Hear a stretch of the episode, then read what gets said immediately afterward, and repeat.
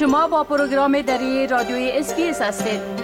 گزارشات عالی را در sbs.com.au دری پیدا کنید. و حال با جاوید رستاپور خبرنگار برنامه دری SBS در جنوب آسیا به تماس هستیم که ایشان در مورد تازه ترین تحولات در افغانستان گزارش میتن آقای جاوید روستاپور سلام خدمتتان.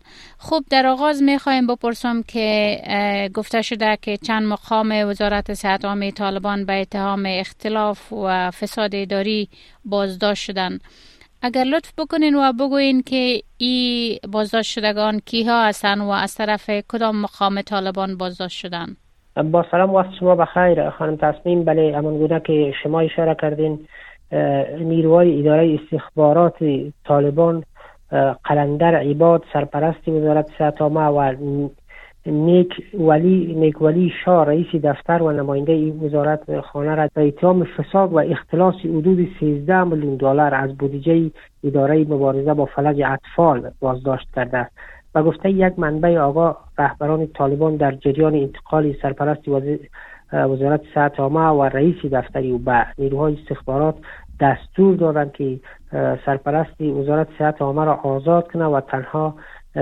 نیک ولی را بازداشت کنند. منابع گفتند که سرپرست سرپرست وزارت صحت عامه و رئیس دفتری او با پول با این پول موتر خریدن موترهای گران قیمت خریدن در منطقه ارزان قیمت کابل خانه خریداری کرده و مقداری از این پول را هم به پاکستان منتقل کردند. یک منبع از وزارت صحت عامه و برخی رسانه های افغانستان که در تبعید نشرات دارند گفته که پس از بازداشت نیکولی شاه او با دادن 800 هزار دلار رشوه به استخبارات طالبان آزاد شده. اما زمانی که می‌خواست از طریق میدان هوایی کابل به پاکستان فرار کند دوباره بازداشت کردید و همکنون در زندان به سر می‌برد. در همین حال عبدالباری عمری رئیس سازمان غذا و داروی طالبان نیز به اتهام اختلاس بازداشت شده. اون نیز متهم است که بخشی از بودجه اداره مبارزه با فلج اطفال را اختلاس کرده و این پول را از طریق صرافی های سرای شازاره به برادرایش به پاکستان انتقال داده. تشکر. خوب طالبان به تحریم دو مقام اداریشان از طرف امریکا عکس عمل نشان دادند. اگر بگوین که اینها کیها هستند و تفصیلات بیشتر در این مورد از چی قرار است؟ بله وزارت مالیه آمریکا خالد حنفی سرپرست وزارت امر به معروف طالبان و فرید الدین محمود رئیس اکادمی علوم گروه به خاطر نقض جدی حقوق بشر و سرکوب زنان تحریم کرده. اما زبیرالله مجاهد سخنگوی طالبان در واکنش به اعمال این تحریم گفته که فشار رای حل هیچ مشکلی نیست. وزارت مالیه آمریکا در اعلامیه گفته است که عملکرد این دو مقام طالبان حقوق زنان افغانستان را سلب و آنان را از ادامه تحصیل محروم کرده. در اعلامیه این وزارت همچنان در باره حنفی آمده که او به عنوان وزیر امر به معروف و نهی از منکر کار می‌کند و ماموران این وزارت در نقض جدی حقوق بشر از جمله قتل آدم ربایی شلاق و ضرب شتم شرکت کردند. اما سخنگوی طالبان در با نشر اعلامیه در صفحه ایکس نوشته است که آمریکا با وجود این چیز سابقه چنین اقدامات ناموفقی را دارد نباید تجارب ناکام خود را تکرار کند. آقای مجاهد همچنان گفته که متهم کردن دیگران به نقض حقوق بشر و سپس وضع تحریم بر آنان از طرف آمریکا غیر قابل توجیه و منطقی است.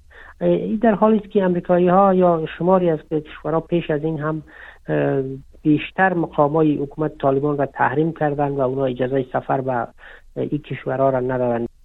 بله تشکر.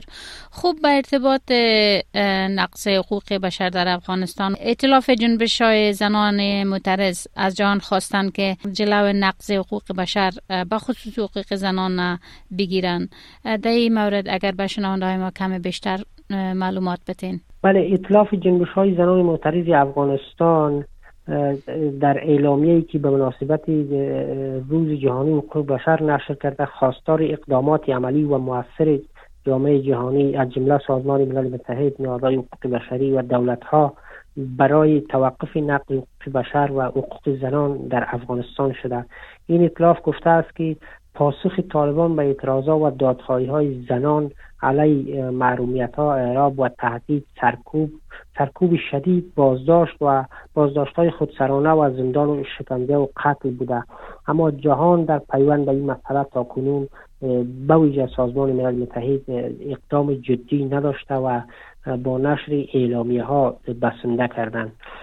این در حالی است که پس از تسلط طالبان بر افغانستان زنان از ادامه تحصیل و کار محروم شدند و در حال حاضر هم شماری از زنان معترض و فعالان حقوق زن در زندان طالبان به سر می‌برند که اخیرا در روزهای اخیر گزارش شد که دستی کم از جمله چهار زنی معترض که در زندان طالبان به سر می‌برند وضعیت صحی نامناسب دارند و به بیماری های بسیار جدی در زندان طالبان یا سپری می‌کنن ولی هیچ اطلاعاتی نه خانواده این زنان که در زندان طالبان هستند و نه رسانه از وضعیت این خانم ها به دست دارند بسیار زیاد تشکر از شما آقای جاوید روستاپور. تا برنامه آینده که باز هم با شما تماس خواد گرفتیم شما را به خداوند مسپارم. روزتان بخیر. روزی شما هم خوش. خدا حافظ ناصرتان.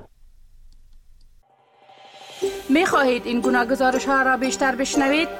به این گزارشات از طریق Apple Podcast، Google Podcast، Spotify و یا هر جایی که پادکاستتان را می گیرید گوش دهید.